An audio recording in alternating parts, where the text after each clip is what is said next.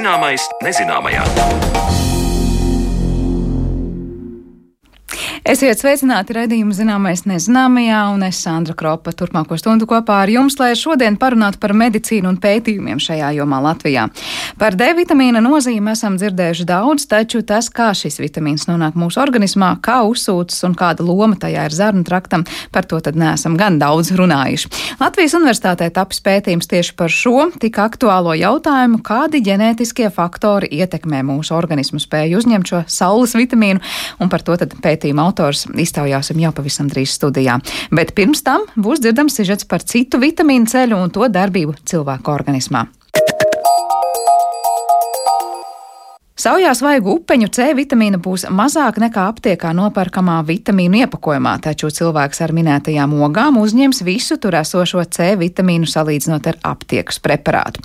Kā vitamīnu un minerālu vielas uzsūcas mūsu organismā, kā izpaužas to pārdozēšana un kādas vielas palīdz labāk uzņemt vitamīnus, par to Zana Lāca Baltalksne iztaujās Rīgas Stradiņu Universitātes farmācijas ķīmijas katedras docētāju un doktoranti Annu Gavrilovu. To, ka vitamīni un minerālu vielas ir vajadzīgas, lai mūsu organisms varētu pilnvērtīgi funkcionēt, šķiet zina katrs. Bet šoreiz papētīsim, kā konkrētas uzturvielas, tā teikt, uzvedas nonākot cilvēka vēderā. Ja cilvēks vēlas profilaktiskos nolūkos uzlabot veselību, tad ir ieteicams lietot vitamīnu kompleksu, jo organisms paņems sev vajadzīgo, bet pārējās vielas ar urīnu tiks izvadītas ārā. Tā teica Rīgas Stradiņa Universitātes farmācijas ķīmijas katedras docētāja un doktorante Anna Gavrīlova. Viņa turpina skaidrot vitamīnu dabu. Vispirms mums jāiedalā, ka ir ūdens šķistoši un taukoši šķistoši. Pie ūdens šķistošiem pieder B grupas vitamīni un C vitamīns. Un, uh, lielākoties tos nav iespējams pārdozēt, jo tie kopā ar urīnu tiks izvadīti ārā no organisma un viss nepieciešamais organisms paņems pats. Ja mēs runājam par taukošu šķīstošajiem vitamīniem, tad vispirms jāpievērš uzmanība, vai tiešām konkrētajā formā, kas tiek lietota, ir pieņemsim eļļas, kas uzlabos šo vitamīnu uzņemšanu kas ir A, D, E un K vitamīns. Un, attiecīgi, ja mēs saprotam, ka konkrēta preparāta nav taukoši čīstošas palīgvielas, tad es, piemēram, neieteiktu šo līdzekli izvēlēties. Bet kā šie vitamīni, nu, piemēram, ja mēs ņemam C vitamīnu un to pašu D vitamīnu, kā viens uzsūcas un kur nonāk cilvēka organismā, un kur otrs, vai visi aiziet kuģī barības vadā vai kā? Visi iziet cauri kuģim un nonāks līdz zarnām, jā, kur notiek šo vitamīnu absorpcija. Gan būtu jāpievērš uzmanība arī uzturam, vai mēs lietojam ar pārtiku. Vitamīnus nerekomendē lietot tukšā dušā, jo tas tomēr arī var kairināt gremošanas traktu. Tad runājot par B grupas vitamīniem, tie ir ūdens šķīstoši, un lielākā daļa būs izvadīta kopā ar urīnu, izņemot vitamīnu B12. Jā, jo B12 vitamīna rezerves veidojas 60% apmēra aknās, šo rezervi var pietikt pat līdz 2-3 gadiem. Bet, ja mēs runājam par taukošu šķīstošiem vitamīniem, tad tie arī sakrāsies aknās. Jā, aknas būs galvenā depo forma, kur šie vitamīni atrodas. Līdz ar to, ka taukoši šķistoši var izteiktāk uzkrāties, tiem ir lielāks risks pārdozēšanai. Tad tas nozīmē, ka cilvēks lieto vitamīnus kaut kādu laiku, tur mēnesi, divus, trīs, un pēc tam divus, trīs gadus, piemēram, konkrēto B12 vitamīnu viņam nevajag lietot. Es nerekomendētu lietot bez konkrētām veselības vajadzībām. Ja mēs runājam par polivitamīniem, tad ar šo polivitamīnu divu, trīs mēnešu kursu mēs šo pārdozēšanu nevaram panākt. Jā, tomēr pārdozēšana būs gadījumā, ja mēs lietojam ilgāk par trīs mēnešiem veselam cilvēkam, kuram šīs vajadzības nav.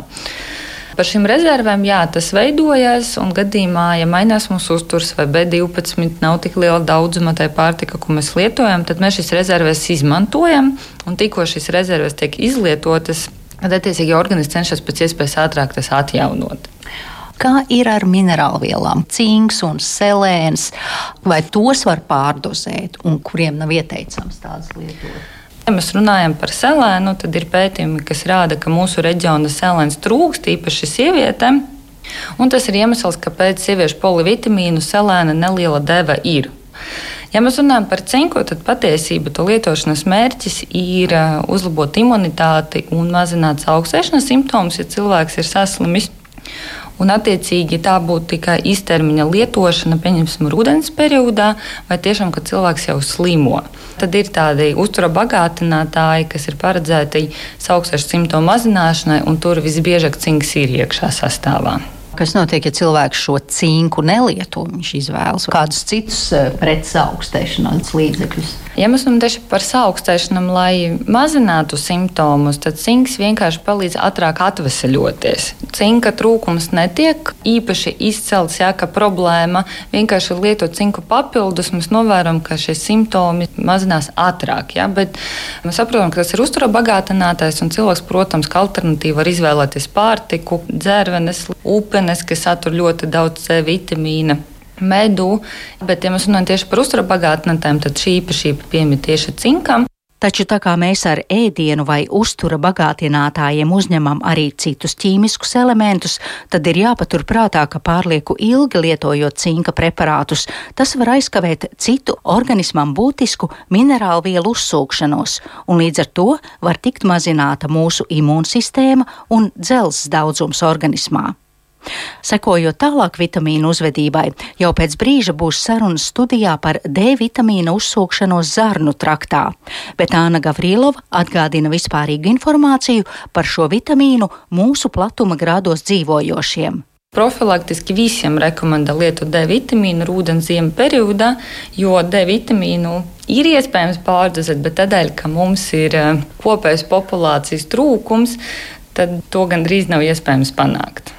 Ko nozīmē iespējams pārdozēt? Kā tas izpaužas? Ja mēs runājam par D vitamīnu, tad tiešām var uznākt slikta duša, gremošanas trakta problēmas, izmainās kalcija līmenis asinīs, nododot analīzes. Bet, ja mēs paskatīsimies uz D vitamīna skalu, kāda ir norma, optimāls līmenis, ko mēs uzskatām par paaugstinātu koncentrāciju, tad šīs vērtības ir diezgan lielas.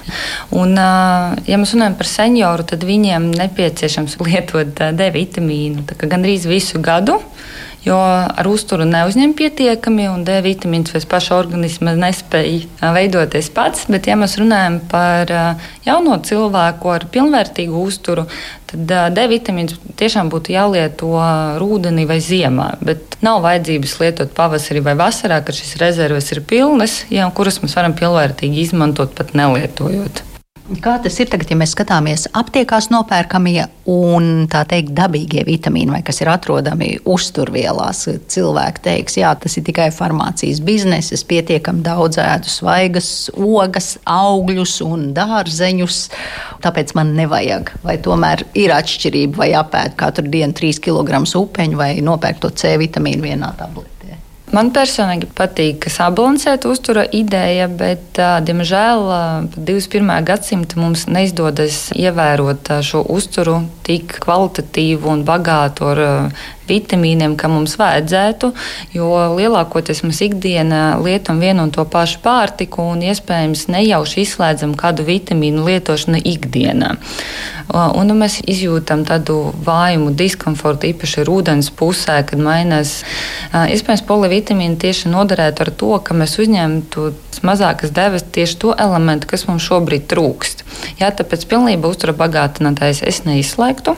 Bet paturētu prātā to, ka, ja mēs vēlamies visu papildināt tikai ar pārtiku, tad eh, mums eh, tiešām jāspēj izvērtēt, kādus produktus mēs lietojam, kādus vitamīnus tie satur, un vai mēs kaut ko nejauši neizslēdzam no sava uztura. Jo, ja mēs runājam par eh, vegetāriešiem un vegāniem, Viņi nelieto dzīvnieku izcelsmes produktus, un viņiem uzreiz ir vitamīna B12 deficīts.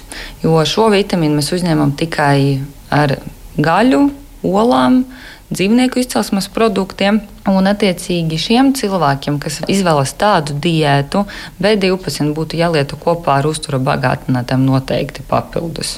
Jūs varat uh, ar vārdiem uzzīmēt, kā vitamīns, ja mēs runājam vienalga vai C vai A vitamīns, kā tas uzsūcas. Ja mēs, piemēram, C vitamīns ēdam dzērvenes vai papriku vai citronu, vai ja mēs paņemam C vitamīnu tableti. Tas ceļš organismā, vai atšķiras vai nē? Atšķirsies ar to, kā ja mēs ar uzturu bagātinātiem lietojam lielāko devu, tad iespējams organisms to visu devu arī neuzņems. Ja, ja mēs lietojam ar pārtiku, pieņemsim medot upenes, visticamāk, tur dabīgā C vitamīna deva būs krietni mazāka, bet uh, tas ļaus visai šai devai nonākt cilvēka organismā. Un, uh, ja mēs runājam par trūkumu, tad iespējams abi risinājumi būtu pietiekami labi. Bet jāsaprot, ka ar vienu uzturu bagātinātu devu mēs iespējams nonāksim līdz vēlamam rezultātam ātrāk. Jā, jo ēst upenes katru dienu, pieņemsim, divu nedēļu laiku ir diezgan sarežģīti. Jā, bet uztura bagātinātājā, pieņemsim, tablete palīdzētu ātrāk atrisināt šo problēmu. Vēl runājot par atsevišķām vērtīgām uzturvielām, Anna Gavrilova uzsver magnija lietošanas ieteikumus.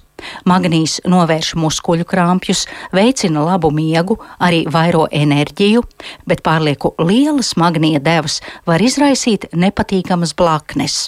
Ar magnītu biežākā problēma ir tāda, ka cilvēkam grūti orientēties lietotas devās. Ja, ja mēs paskatāmies uz magnītu saturošiem uztura bagātinātājiem, mēs redzam, ka visiem šiem preparātam ir dažāds sastāvs, dažādas deves un dažāds pēc lietošanas režīms. Un cilvēkiem uzreiz ir jautājums, kurš ir labākais vai kā man izvērtēt šo produktu kvalitāti.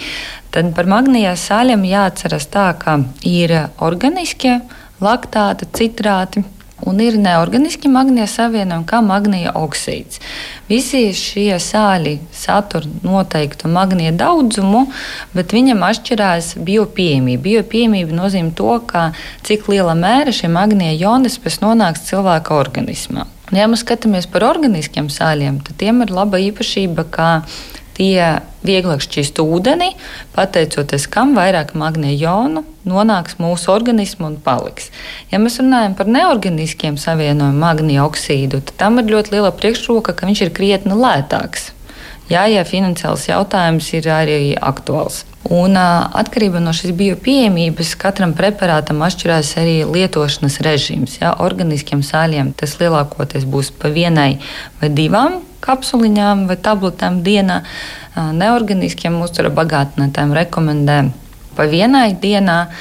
Bet būtiskā lieta, kā šo devu nepieciešams sadalīt. Nav jēgas lietot trīs kapsulas vai tabletes vienā reizē, jo tā lielākā deva tiks izvadīta kopā ar urīnu ārā no organisma. Ja? Sadalot šo devu, mēs panāksim to, ka pēc iespējas vairāk magnija paliks organismā, un arī mēs mazināsim blakus parādību risku, kā magnijam piemīt mīkstinoša īpašība.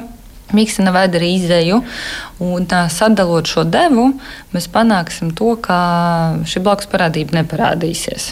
Mēs saprotam, ka dažreiz ir liederīgāk lietot pa nelielam porcijam, bet ilgāku laiku nekā visu reizē, lai pēc iespējas ātrāk atrisinātu situāciju. Diemžēl tas tā nestrādā. Bet tas attiecas uz jebkuru vitamīnu un uz jebkuru uzturu bagātinājumu. Jā, tas attiecas gan uh, uz zālēm, gan uz uzturu bagātinātājiem. Vienkārši magnija gadījumā mēs visizteiktāk redzēsim uh, šo nevēlamo iznākumu. Ja? Jo, pieņemsim, ja pacientam ir krampi vai bezmiegs, ja viņš vēlas pēc iespējas ātrāk atrisināt šo situāciju, jo viņam tas traucē, viņš domā, ka es lietošu lielāku devu, tad nozīmīgi tas man palīdzēs ātrāk atrisināt manu problēmu. Bet uh, uzņemot šīs trīs tabletes reizē, diemžēl mēs neatrisināsim bez bezmiega problēma, bet tam visam klāt var pievienoties caurē, ja, kas uh, arī būs nākama problēma, kuru būtu jārisina. Un, uh, labākais ceļš būtu ievērot lietošanas režīmu un sagaidīt šo problēmas risināšanu pakāpeniski. Tik tālu par vitamīniem un to uzsūkšanos mūsu organismā, bet konkrētāk par D vitamīnu un tā saistību ar dažādām kroniskām saslimšanām raidījuma turpinājumā.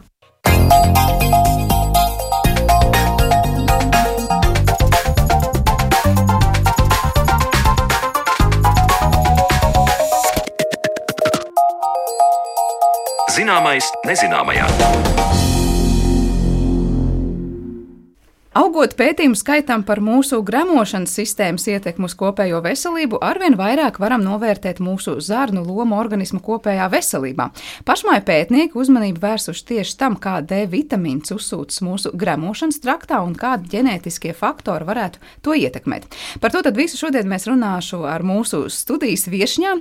Sveic šeit studijā gan Natālija Paramānova, Latvijas Universitātes Bioloģijas institūta genomikas un bioinformātikas laboratorijas vadītāja. Labdien! Labdien. Tāpat kopā arī ar viņu ir Samanta Pļaviņa, zinātniskā asistente no Genomikas un bioinformātikas laboratorijas. Labdien! Sveicināti! Uh, bioloģijas zinātņu doktora Elīna Ļonova. Labdien! Labdien! Un telefoniski arī ar mums kopā būs neiroloģe dr. Jolanta Kalniņa. Labdien! Labdien! Es sākšu laikam ar to, ko pavisam noteikti un konkrēti esat pētījuši šeit dāmām studijā. Es saprotu, ka um, pētījuma objekts pat ir bijis multiplās sklerozes pacienti un tas. Vai ģenētiski noteikti organismu spēja uzsūkt D vitamīnu, ir ietekmējusi multiplās sklerozes pacientu veselību. Vai es esmu pareizi sapratuši šo sarežģīto tematu un par ko īsti ir stāsts? Jā, tas ir viss kārtība. Tieši tā mūsu esošā projektā galvenā jauna hipotēze ir, ka D vitamīnu kodējušas gēnos, ģenētiskas variācijas vai mutācijas, vai ietekmē D vitamīnu darbību un izraisīja D vitamīna deficītu. Šis process veicinās zārņu mikrobiotas traucējumus dažādus, jo vitamīna D regulē mikrobiotas darbību. Un palielinās zārņu iekaisumu un tādējādi varētu veicināt pastiprinātu imunitāti, jeb imunitātes atbildību pret pārtikas olbaltu vielām dažādām, pārtikas uh, alerģijas attīstību, un kā arī atbildīgas par multiplās sklerozes progresēšanu. Tad projekta, mūsu projekta mērķis ir iegūst zināšanas, kas palīdzētu novērst uh, multiplās sklerozes progresēšanu, uh, modificējot zārņu iekaisumu. Proti, jūs domājat, kā samazināt multiplās sklerozes gadījumu skaitu tieši skatoties, kas notiek zarnās, vai jau izslēdzot kaut kādus konkrētus gēnus vai gēnu salikumus? Uh, šī, šajos gēnos saistībā ar uh, visam šīm patoloģijām, zārņu iekaisuma un uh, viss šis, uh, šī procesi atkarīgi no vitamīna D deficītu. Nu, Zārņu mikrobioms tas ir mikrobiota un vai mikro, mikroflora. Nu, ir daži nosaukumi cilvēka zarnas dzīvojošo mikroorganismu kopienai. Dažādi pētījumi parādīja, ka zarņu baktēriju daudzveidībā ir tieši saistīta ar D vitamīna aktīvu formu, kas ietekmē imunitāti. Bet vēl ir viens faktors, tas ir VDR, gēnu receptoru, gēnu vitamīna D receptors, kurš ietekmē šo D vitamīnu darbību. Un tad mēs pētām genetiskos variācijas šajā gēnu receptora, kuri ir saistīti ar vitamīna D darbību. Un savukārt vitamīna D ietekmē zarņu mikrobiomu. Kaut kas tāds. Varbūt kādu no kolēģiem grib piepildīt. Protams, pēdējos laikos parādījies ļoti daudz uh, ziņu par to, ka uh, mūsu mikrobioms, zarnu mikrobioms, ir tieši saistīts ar imunitāti. Uh, D vitamīnam arī ir uh, liels nozīmīgums šajā uh, jomā. Jā, tad, tad, un, Principā bija ļoti interesanti paskatīties, kā šīs divas lietas korelē.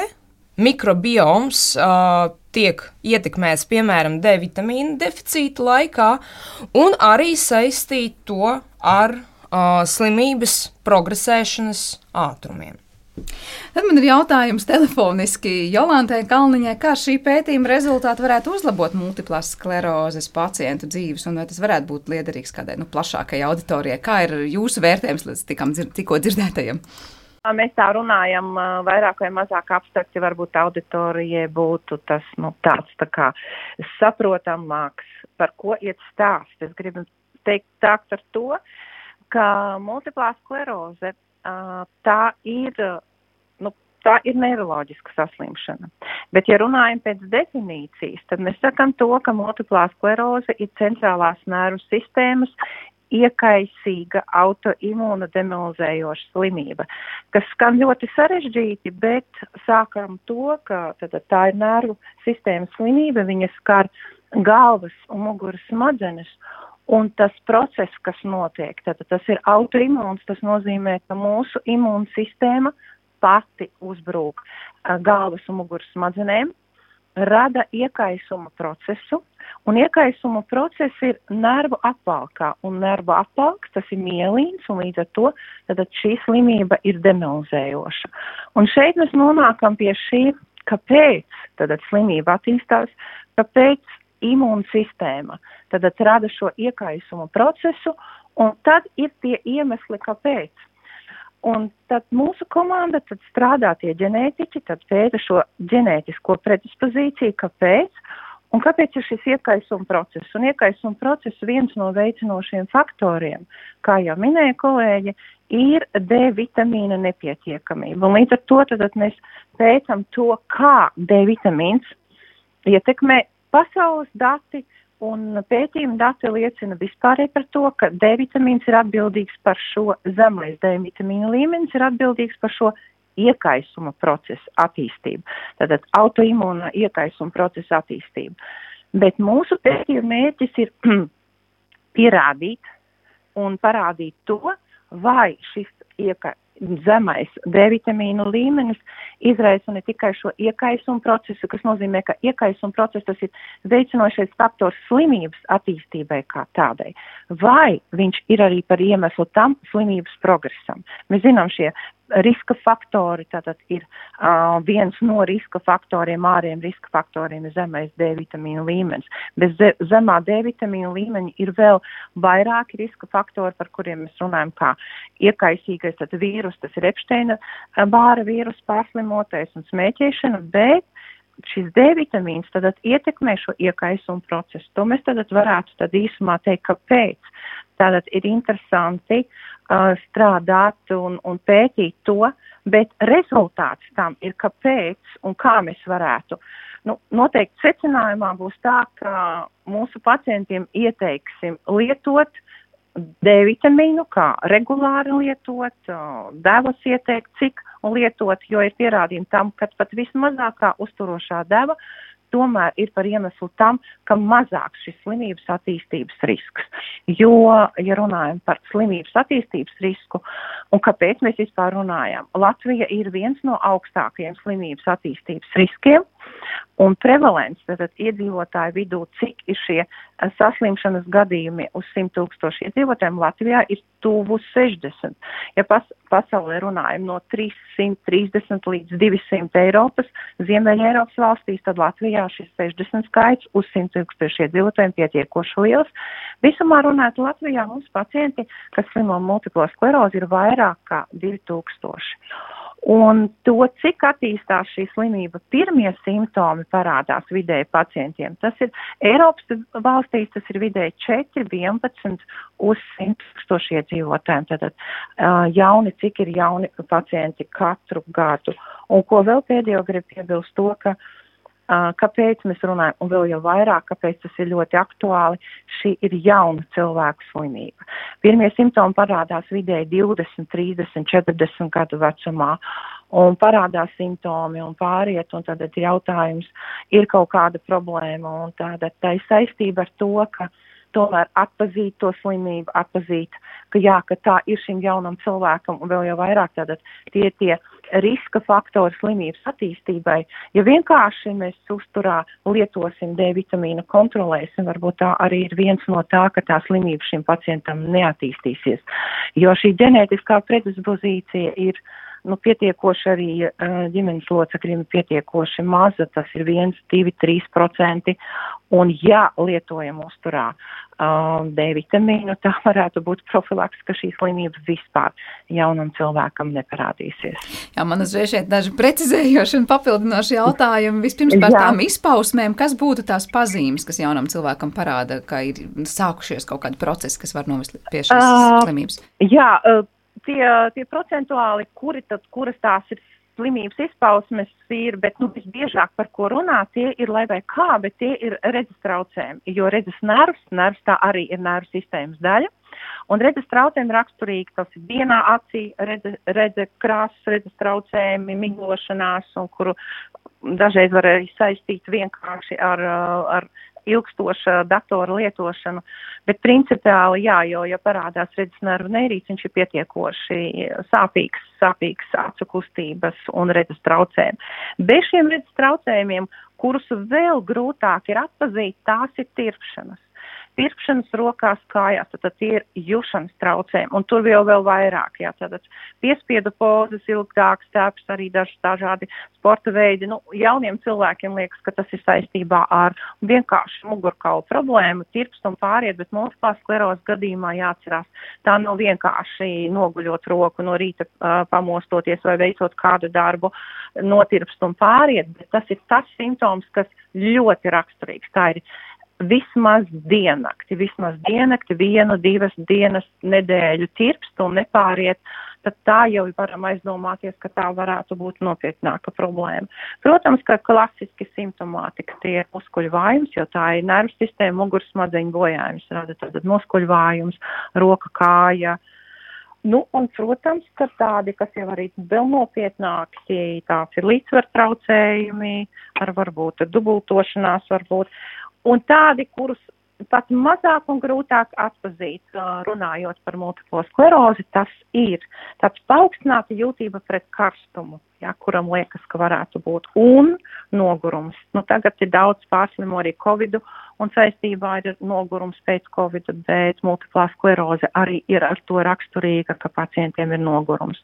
Veids kaut kādu darbu un ir jāatpūšās, un tad atkal atjaunojās. Nu, tie varbūt tādi pārskatā būtu īsumā par to, kā izpaužās Jā, paldies. Nu, izklausās, ka daži no šiem simptomiem ir ļoti, ļoti specifiski un raksturīgi, un savukārt par nogurumu runājot, ir ļoti daudz ko varētu sajaukt, un tāpēc tiešām sevi ļoti, ļoti jāuzmana. Bet es vēl gribēju pavaicāt, jūs teicāt par šiem Latvijas augstajiem saslimstības rādītājiem.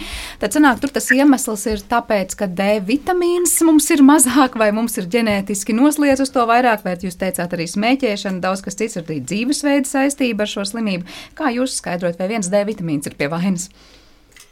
Nē, D vitamīns viens nav, bet jāatcerās to, ka, ja mēs pār runājam atpakaļ par to nogurumu, jā, D vitamīna trūkums arī izraisa nogurumu. Jā, D vitamīna trūkums izraisa depresiju, kas arī var būt nogurums un depresija šīs saistības un korelācijas.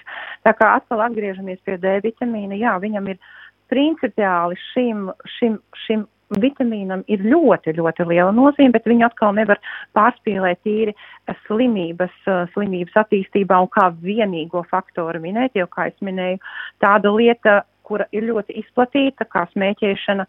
Smēķēšana ir tāda, ka labā ziņa, ja nu, cik var būt laba ziņa par smēķēšanu. Ja pārtrauc smēķēt, tad uh, slimība viennozīmīgi vēro to, ka slimības simptomātika samazinās, samazinās slimības aktivācija. Tā kā tas ir pilnīgi kas cits stāsts, jā, šodien runā par D vitamīnu runājam, bet jā, ir arī smēķēšana arī ir nozīme.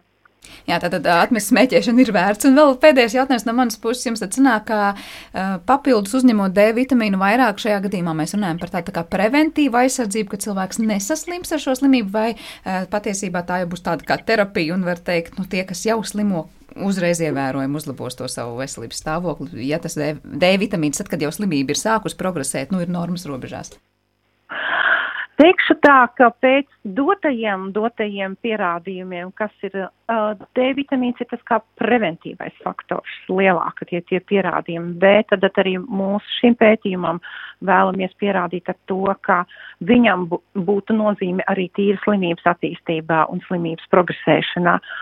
Un, protams, ka ja vispārīgi runājam, tad lietojot D vitamīnu, tam vajadzētu uzlaboties arī vispāriem stāvoklim. Te neiet runa tik ļoti par šo nopietno neiroloģisko saslimšanu, autoimūno slimību, kad mm, uzlabosies tā noteikti stāvoklis, bet kā viens no faktoriem, tā līdzīgi kā, kā, uzņemt, kā uzņemt pārtiku un lietot D vitamīnu, tam varētu būt nozīme, un tam pacienti arī pievērš nozīme. Jā, paldies par šo skaidrojumu. Es studijā vēlos pavaicāt, nu izklausās, ka tiešām D vitamīns mums būtu visu laiku jāuzņem un jābūt pilnīgi drošiem, ka mums tā nav par maz. Vai D vitamīns mums var būt par daudz, un vienā brīdī jūs varētu teikt, nē, tur mums visu laiku ir jākontrolē, cik mums šobrīd ir tas D vitamīns organismā, un tad vai nu vajag vairāk vai mazāk. Es došu vārdu laikam, tad sanāk samantai. Jā. jā. Ar D vitamīnu patiešām nav tā, ka jo vairāk, jo labāk šis princips nedarbojas. Jo, ja tas ir vairāk par šo noteikto rekomendēto līmeni, kas ir no 30 nanogramiem uz mililitru līdz 100 nanogramiem uz mililitru, tas var būt pat toksisks. Tātad, kas par daudz, tas par skādi. Tātad ar D vitamīnu pārspīlēt nevajadzētu, un ja tas ir normas robežās, pārāk daudz to uzņemt nevajadzētu. Uh, vispār zinātnieki uzskata, ka tāds optimālākais D vitamīna līmenis būtu 80 nanogrami uz mililitru.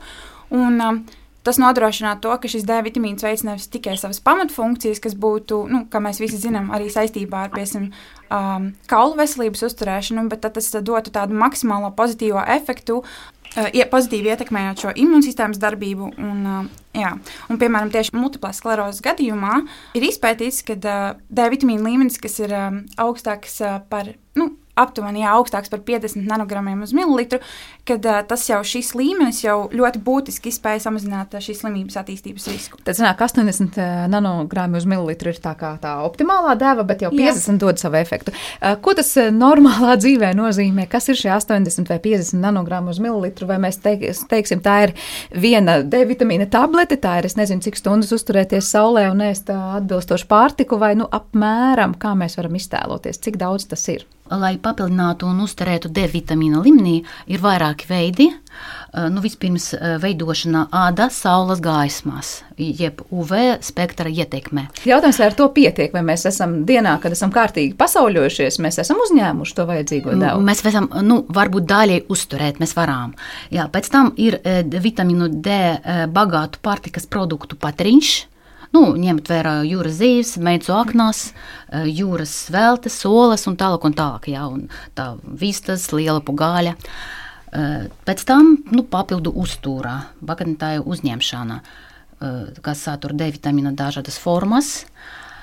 Taču cilvēki nevar visu laiku uzturēties saulē, loģiski, kā arī es dažādu da, tādu daudzumu D vitamīnu saturošas pārtikas, kas adekvāti kompensē deficītu. Nu, tad Tādēļ ieteicams papildus uzņemt uh, vitamīna D ārstnieciskas veidas. Jolanta, varbūt jums ir vēl kāds komentārs par to, cik mums ir tā optimālā deva, lai mēs varētu to iztēloties uh, ikdienas dzīvē. Nu, es minēju, vai nē, tā optimālā tas ir kā viena dražiņa, kad uzņemam, ja, kad to rekomendējam pacientiem. Uh, jau ir tā ja, protams, ka šeit mēs pārbaudot pacientam šo D vitamīna līmeni, konstatējam, vai viņam ir nepietiekamība, vai pazemināts, vai normāls līmenis. Nu, tad tas 30 tas skaitījās tā kā normāli, zem tā ir pazemināts, un zem 20 jau neskaitam jau ir nepietiekamība, jau no 10 Latvijā principā ļoti daudziem ir pazemināts, un arī, un arī liel, daļai ir arī nepietiekams D vitamīna līmenis. Tā ir principā tā kā klasa. Līdz ar to tādu uzturošo devu, kas būtu nu, tāda viena, viena dražiņa uh, rudens, ziemas periodos, pavasarī vēl īsti, kad nav saule, protams, ka jā. Un kā jūs amants minējat, ja 80 vai 8 tūkstoši, principā tās ir tādas ko mēs rekomendējam vidēji, vidēji ir uh, izējot no iegūtajiem šiem rādītājiem, kas ir līmenis.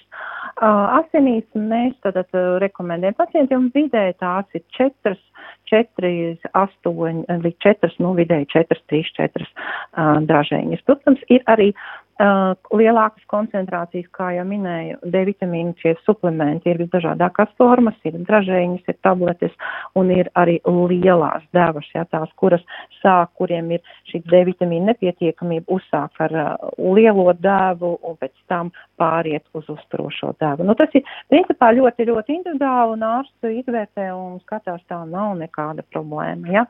Bet, nu, ja tā vienkārši populācijā, ja gribam, mēs paņemam viena dražēņa vai arī medikamentu, kura sastāvā ir eh, D vitamīns. Jā, tad, tad eh, noteikti motivējoši, es domāju, daudziem klausītājiem šobrīd uzzināt, kāds ir D vitamīna vispār līmenis mūsu organismā, un jebkurā gadījumā tātad, nu, vismaz profilaktiski tumšajos eh, mēnešos gada par to arī īpaši padomāt. Tālākie secinājumi pēc jūsu pētījuma, vai notiks darbs pie kaut kādu, es nezinu, tālāku medikamentu vai preparātu izstrādes, kaut kur kolēģi darbosies, vai jūs sniegsiet kaut kādas rekomendācijas? Rekomendācijas, es nezinu, diagnostikā vai kā citādi. Kas notiek tālāk?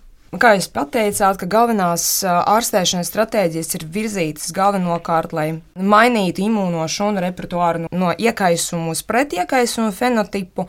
Jā, tad tur arī uh, D vitamīna pielietošana, jā, tad, lai pātrinot atvesļošanos uh, pacientiem, jā, bet uh, pacientiem var arī ievest veselīgus ieradumus, uh, tādus kā vingrošana, jā, tad, tad vingrošanas terapija, diemžēl līdz 78 cilvēkiem uh, pacienti neveic nekādas, uh, nekādas fiziskos vingrinājumus, jā, tad, tad, un daži sistemātiskie pārskati un metaanalīzes arī rada to, ka fiziskie vingrinājumi novērš nogurumu, mazina simptomus un depresiju pacientiem ar multiplo sklerozi.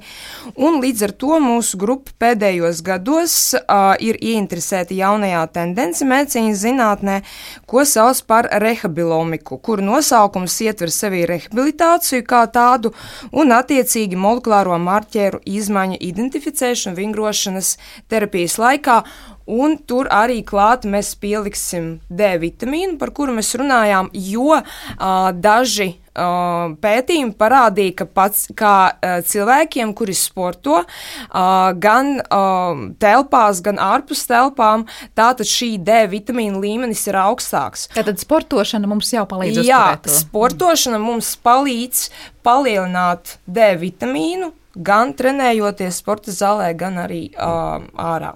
Bet uh, varbūt arī tad Jolantai vēl viens jautājums, kā ir ar šo vingrošanu tajā brīdī, kad multiplās sklerozes pacienti jau saskars ar slimību. Jūs teicāt, tur ir šis muskuļu vājums, tur ir tā tirpšana, vai mēs varam daudz gaidīt no šiem cilvēkiem, ka viņi vispār ir spējīgi vingrot? tas ir vispār principā ir ļoti individuāli. Varbūt tā, ka pacients 20 gadnieks ļoti ātri viņam attīstās simptomātika, kas nav tas labākais scenārijs, bet lielākai daļai tomēr, kā es minēju, parādās simptomātika, tiksim, tirpšana nedēļu, divas nedēļas dienu un pāriet.